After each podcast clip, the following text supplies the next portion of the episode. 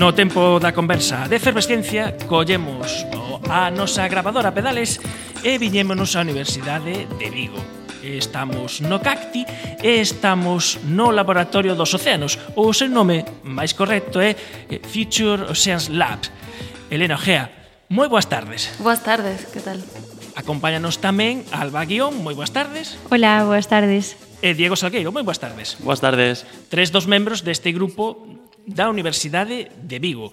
Un grupo que dirixe Elena Ojea Ela estudiou Ciencias Ambientais, fixo o seu doutoramento en Economía Ambiental con María Loureiro e gañou unha das cotizadas eh, bolsas da, do ERC, que é European Research Council, unha starting grant, eh, un proxecto, como os que temos contado aquí en Efervesciencia, que o que pretende a Unión Europea é apoiar a investigadores que están abríndose eh, paso na súa carreira e que teñen ideas de fronteira, de ciencia de vanguarda. E neste caso, ti estabas no País Vasco e ao gañar a RC tes que decidir onde vas, porque o que bo que teñen estas, estas starting grant é que o investigador que recibe os cartos, non a institución. Exacto, sí, é unha, é unha bolsa, o sea, é un proxecto moi grande que lle dan a, a unha persoa para comezar un, un novo grupo de investigación con toda a liberdade que eso conleva de poder cambiar de sitio dentro da Unión Europea, sí. E eh, te eches moitas ofertas? Eh, bueno, eh, tiven, sabía que tiña moitas posibilidades. Eu eh, tiña bastante claro que quería voltar a Galicia, entón xa directamente falei con, con as posibilidades que tiña aquí. E enseguida decidín que a Universidade de Vigo era a mellor opción para, para montar o grupo. Aí a Universidade de Vigo estivo ben atenta para gañar talento. Ademais, eh, eh temos que dicir eh, nesta semana na que se celebrou o, o Día Internacional da Muller, esa única starting gran galega, que sodes poucos, contanse cos dedos da man, exactamente, cos dedos da man, a única que, que, es, que es muller. Sí, é certo, sí. Eh, bueno, haberá máis, conseguiremos máis, non? Sí, sí, claro que sí, seguro que sí. E, e no vosso grupo tamén tedes unha importante presenza femi feminina. Sí, a verdade é que, é que somos maioría de mulleres, sí. O laboratorio que investiga o futuro dos, dos océanos. Eh, o que ten de especial eh, este laboratorio é eh, que queredes ver que pasa, que acontece cos océanos, co cambio climático, pero eh, empregades unha aproximación multidisciplinar, porque pola túa formación ti és ambientóloga, pero tamén fixetes a túa tese, como dixemos, en economía ambiental. Eh, digamos que mm, para que os océanos sexan sostibles hai que ver todos os factores posibles. Sí, exacto. Eh, nos, a, a nosa cometido principal é eh, eh, ter resposta sobre como se debe xestionar o medio mariño, eh, en concreto fronte ao desafío do cambio climático. Eh, para saber como xestionar eh, Eh, o medio mariño necesitamos saber eh, todo, dende a bioloxía do medio mariño ata, ata a socioloxía da xente que vive do mar, a economía, eh, e non hai resposta eh, adaptativa senón en conxunto, entendendo todo como, como un único sistema. E ti cando diches o paso ao mar, porque nas túas investigacións tamén investigaches eh, tamén a floresta, eh, sí. tamén, como caíches no mar? O meu, sí, é unha boa pregunta. O meu percorrido deu moitas voltas, eh, non foi unidireccional. Eh, pero é verdade que unha tese con María Loureiro que mencionabas antes foi enfocada ao medio mariño. Eu estudiei especies en perigo de extinción e como recuperalas e que valor económico tiña eso. Logo, cando fun no meu postdoc o Centro de Cambio Climático, traballei en adaptación... No País Vasco? No País Vasco, sí, en Bilbao.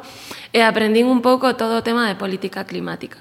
Cando entendes os procesos de política, toma de decisións e procesos sociais, podes entendelos en distintos sectores. Entón, eh, Eu eh, xa aprendera eso en bosques e eh, fun a Estados Unidos a un grupo de pesca para volver, digamos, a unificar todo uh -huh. e facer o que eu quería que, que o que estamos facendo agora, que é precisamente adaptación en pesca. Aí foi onde surdiu a pregunta. Sí, aí eh, surdiu a pregunta porque eu vin bastante claro, bueno, non era única, de feito agora hai moita xente cada vez máis traballando nesto, pero eu vin que había un, un, bueno, un vacío eh, na, nas publicacións, na ciencia que se sabía sobre a adaptación no medio mariño.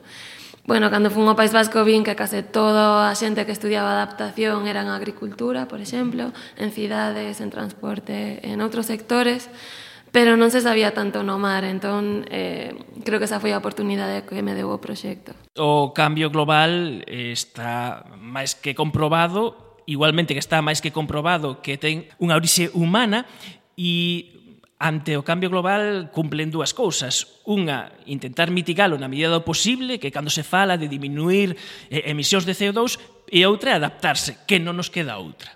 Sí, exacto. Eh, é moi importante mitigar o cambio climático e reducir as emisións, pero temos que ser conscientes de que todo o esforzo que fagamos agora para mitigar vai ter un efecto a medio ou longo prazo. Ata dentro de 20-30 anos non se vai notar.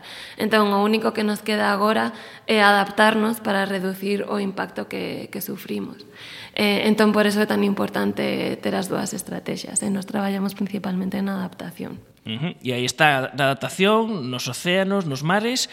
Eh, unha das cousas que estudiades é, eh, por exemplo, eh, co que son coa, coas reservas. Igual que hai reservas, hai parques naturais, eh, nos mares tamén hai reservas, hai reservas mariñas, e teñen varios fins. Sí, sí, unha, eh, as reservas mariñas teñen moitos beneficios, no? dende dende os beneficios ecolóxicos para as poboacións ata beneficios directos para, para a pesca moitas veces. No? Eh, reservando un lugar, pois podes pescar máis eh, nos lugares eh, que están eh, xuntos. Eh, sen embargo, co cambio climático eh, estáse un pouco influindo eh, no efecto que teñan as reservas. E un pouco a nosa pregunta de investigación é que temos que facer coas reservas mariñas para que sigan tendo esos beneficios. Mm, porque pode pasar co cambio climático que as zonas delimitadas como reservas cambien? Bueno, as zonas non van cambiar porque son estáticas, ¿no? digamos que xa están a lei que están delimitadas, pero a súa función o porqué de estar definidas nese lugar pode cambiar.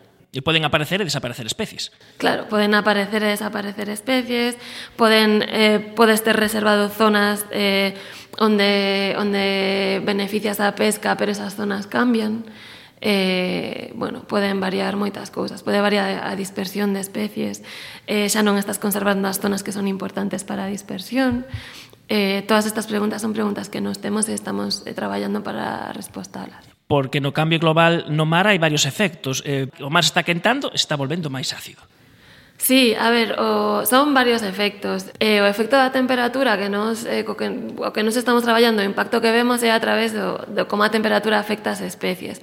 A temperatura fai que haxa especies que se teñan que, que ir eh, porque non soportan esos rangos de temperatura, e sobre todo estamos falando de temperaturas extremas que antes non se acababan e agora sí eh, este tipo de cousas. Logo, a acidificación vai afectar máis aos, órganos ao marisco, digamos, de cuncha, bivalvos, e eh, aí non estamos traballando tanto. Eh, E logo tamén o, o aumento do nivel do mar non ven tanto directamente pola temperatura, senón polo xeo que se está derretindo. E isto, eso fai que a nivel global aumente a, o nivel do mar. En conclusión, nos, o no que nos estamos centrando é precisamente no cambio de distribución dos organismos mariños polo cambio climático. É eso que repercusións ten na sociedade en na actividade económica e que temos que facer para que non sexa tanto impacto e, e falabas aí de organismos con cuncha, os que teñen aí unha capa aí calcaria, entre eles están os percebes, verdad, Alba? Sí, aí están os percebes.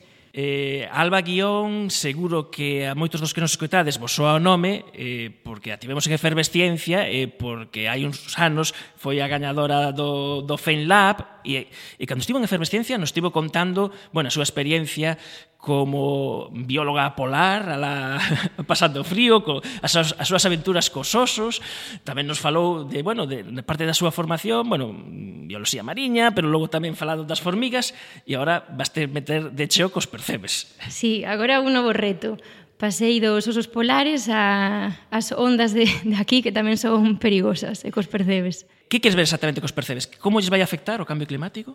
Sí, tamén, bueno, seguindo un pouco a liña que, da que falou Elena, a idea é facerse unha idea de como vai afectar o cambio climático a pesqueira do percebe e intentar propor medidas de adaptación como poden ser pois cambios no calendario de extracción ou cambio nas espaciais eh, para poder mitigar esos efectos do cambio climático. Os percebes son seres fascinantes.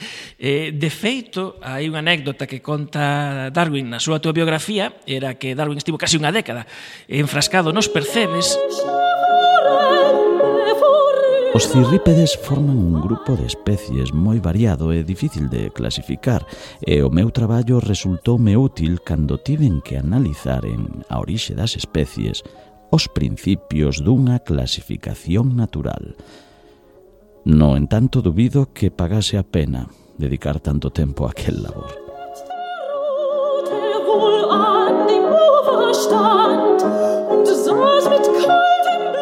Nesta época, tal era o interese de Darwin nos percebes que mesmo un dos seus fillos pequenos coidaba que esa era a ocupación de todos os pais.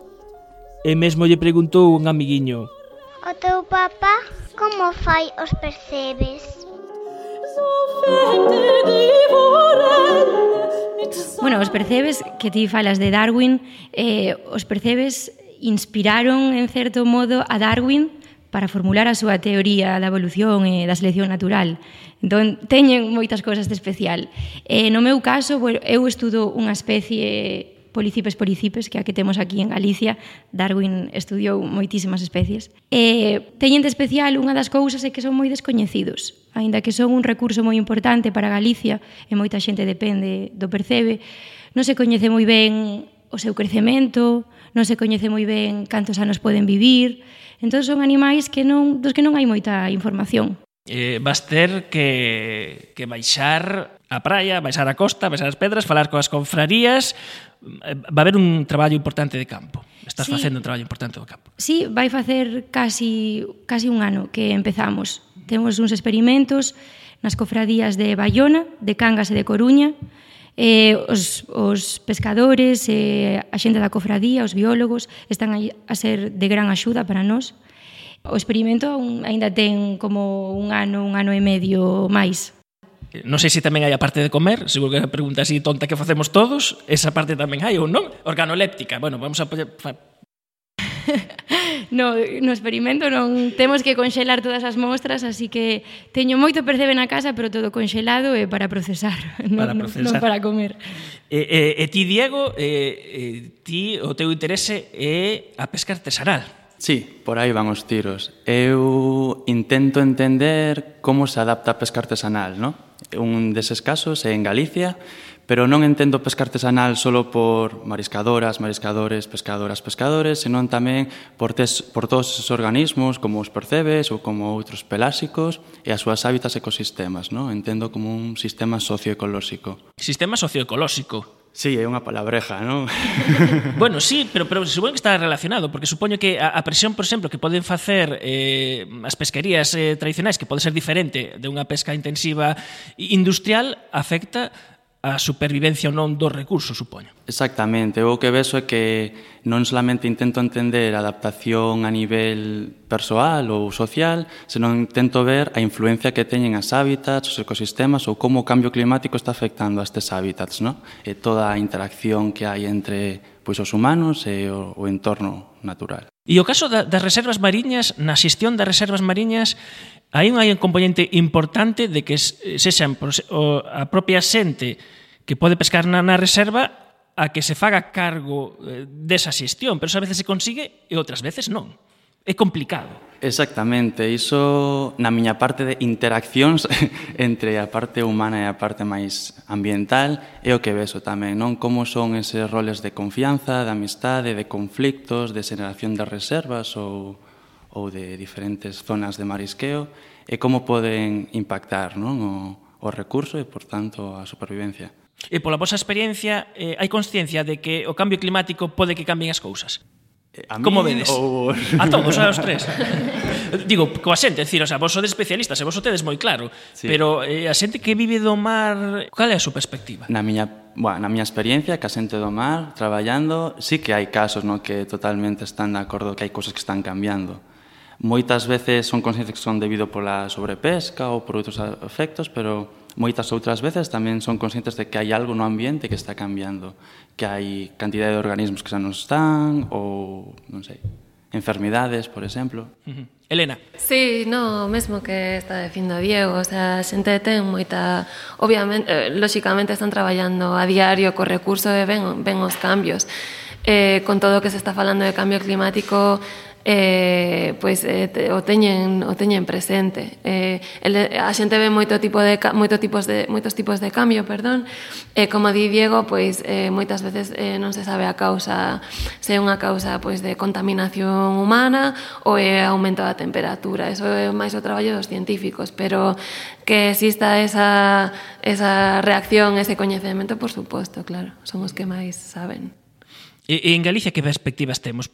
Poden cambiar as chuvias, os ventos, a dinámica das rías, esa riqueza que temos do afloramento costeiro, que é o que dá a, a riqueza ás rías, Eh, hai predicións ao respecto se, se pensamos mirando eh, os nosos mares? Sí, sí, sí que hai, sí que cada vez hai máis información porque, bueno, temos unha comunidade científica traballando moito neso, pero tamén é verdade que aí eh, non temos eh, unha información completa todavía como para decir eh, isto é o escenario que vimos ter en Galicia dentro de 30 anos. ¿no? Eso é un pouco está en debate. Hai estudios sobre o afloramento, todavía está un pouco en debate que va a pasar, hai modelos de circulación nas rías, hai hai moito traballo, pero digamos que está en proceso. É, é un tema moi complexo, entón son moitas variables as que influen.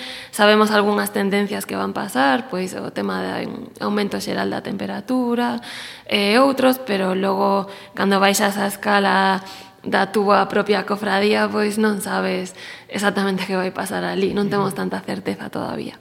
Porque o vosso proxecto ten o mellor eh, tamén outra cousa interesante é que ver como cambian os recursos dos, dos mares e os océanos vos interesa tanto a nivel local como a nivel global.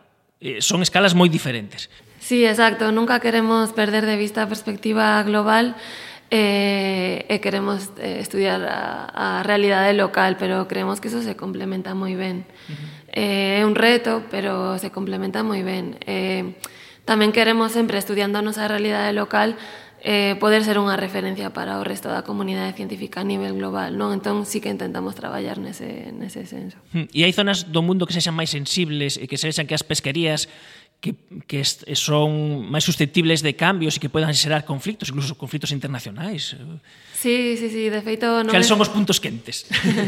sí, eh, sí, bueno, eh, hai moitos exemplos, non? Eh, un dos, dos primeiros traballos que fixemos aquí como grupo foi revisar as evidencias de cambios de distribución de, de peixes, de, de pesquerías, e ver onde, onde se sabe que está habendo cambios importantes, non? E sí que son moitas especies, como o bacalao, eh, ou outras, onde sí xa ven, ven habendo conflictos dende hai tempo eh, debido ao cambio climático.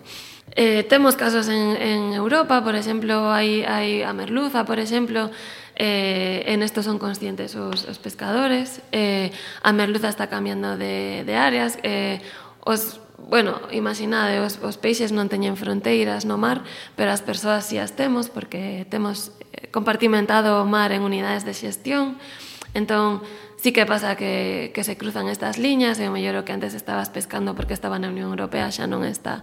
E eso está a pasar xa hoxe en día. Eh? Hai conflictos eh, no Mar do Norte, eh, con, con Islandia, tamén teñen os seus conflictos en a costa pacífica de, de América, América do Sur e América do Norte, en Perú, tamén entre Canadá e Estados Unidos. Os chinos? Eh, e os chinos, por suposto, tamén teñen bastantes, bastantes eh, casos, porque ali teñen moi eh, teñen moi pouco espacio con moitas eh, xurisdicción de diferentes lugares, eh, entre Xapón, Corea e China, por exemplo. Alba, sí. Situando un pouco a zona onde está Galicia, eh, España tamén, estamos nunha zona, eu creo que o que o que estáse a ver é que temos invasións de novas especies e tamén temos movimento de outras, non? Entón, hai un reemplazo de especies que parece que é importante en o que é toda a nosa zona, non? Sen embargo, nos trópicos temos extincións. Nas zonas tempadas onde estamos nós temos un reemplazamento de especies, unhas se van e outras chegan, e nos, e nos polos temos invasións, porque todo está se desplazando no hemisferio norte, todo vai hacia o norte. Unha cousa tamén interesante que, que vexo que facedes no, no, no vosso laboratorio é tamén sair fora a explicar as cousas. E sei que, Diego, ti cada mes tes un público moi complicado, moi difícil, que son escolares. Bueno, é moi divertido tamén, eh? a verdade é que os adolescentes están super ben. Onde vas? Onde... Vamos a un instituto, é eh, un proxecto da, bueno, dentro de Clock tamén, eh, Future Oceans Around se chama, eh, vamos a un instituto a unha zona, zona de Nigrán, ao Illes Valmiñor, e unha vez ao mes vamos eh, lle propomos un tema no que a comunidade científica aí nos estamos traballando a tope, eh, para que traballen eles tamén, eh, para que nos ensinen tamén ás veces como traballar ou como debemos de pensar, non? Que a verdade é que se aprende moito. E cosas como cales, es, decides? Wow, cosas eh. como cales. Sí. Eh, por exemplo, a ver Alba, axúdame por aquí. Pois axudamos a que vexan, eu creo que teñen unha teñen unha visión sobre todo a xente de ciencias, non, que foi onde eu estuve nas clases, que teñen unha visión moi biolóxica e axudamos tamén a ver que unha, unha reserva non solamente o, o a xestión do mar non solamente é eh, polo ben do recurso, que por suposto que temos que pensar no ben do recurso, pero tamén temos moitas persoas, non, que están que viven dese recurso e temos que garantir a su, o seu modo de vida, temos tamén que pensar noutro tipo de bens, non, que poden proporcionar os ecosistemas eh, relacionados ao, ao mellor co turismo ou entonces o que intentamos facer é abrirlles a mente e que o vexan como un todo, non so, non só so vexan unha parte mm, concreta. Vale, agora vai unha pregunta un tanto comprometida. Eh, o bo que teñen eh, estas, estes proxectos do, do RC é eh, que, Elena, tes un proxecto cinco anos, unha cantidade xeitosiña de cartos, de recursos, e eh, que ti podes montar o teu propio equipo, e eh, seleccionar o teu equipo e, e poñelos a traballar. E non sei, Eh, foi dura esa selección? Sabes aquí. Eh, non, foi dura o, foi duro antes de facer a selección, é dicir, empezar o proxecto e saber eh, que tiña que empezar un grupo novo, cinco anos, eh, si foi duro por pensar como facelo e por enfrentarme a eso por primeira vez. Pero unha vez que o equipo foise formando pouco a pouco, con Diego, con Alba, con, eh, con Sisi, con Irache, eh, todos os que somos, Eh, xa non foi difícil porque, bueno, eu estou moi moi contenta de como estamos traballando. Bueno, Alba, agora que non te escoita a, a Sefa, que tal esa entrevista de traballo? Escoitar sí que me escoita. Bueno, se non se te escoitase. No, foi moi ben. Eu, eu estaba a vivir en Inglaterra eh, vin no periódico que falaban do seu proxecto e do seu de que iba a montar un equipo e de calen era, eran os obxectivos e o tema E a min interesoume, eh, contactei con ela por un email, así, eh, así aquí acabei. O sea, xa que nunca se sabe onde un pode acabar. O biches, e ti, Diego? Eu moi ben tamén, a verdade. Foi como iso, pois vin a oportunidade, non? Para dun, deste grupo, a verdade, tan, tan novedoso e tan bastante afín, non? A, a como penso, creo. E, e nada, apliquei e, bueno, foi, foi señal a, a entrada. Que van decir? Que despois nun compromiso. sí, sí, sí, vale, compromiso.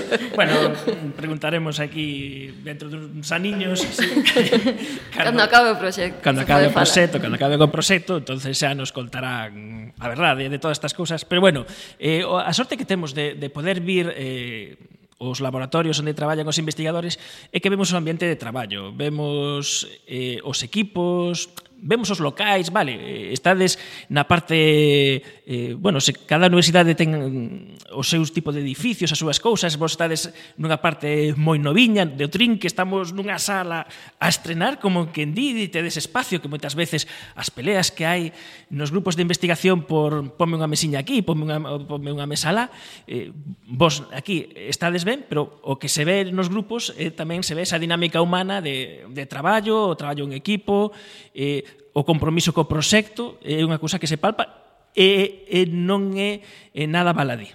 Que ben, pois, eh, sí, a verdade é que nos, non somos un laboratorio uso no senso de que eh, un, un dos, dos, unha das cousas que queremos romper na maneira de pensar da xente é que a investigación non é só ter unha bata e unha probeta, senón que hai investigación en, en ciencias sociais e no noso caso multidisciplinar, eh, que non neces nos non necesitamos estar sempre nun laboratorio, temos persoas que están, por exemplo, Alba, pero os demais temos un traballo eh, no, na oficina, eh, con espacios compartidos, eh, nas comunidades e participando en actividades con elas. Non?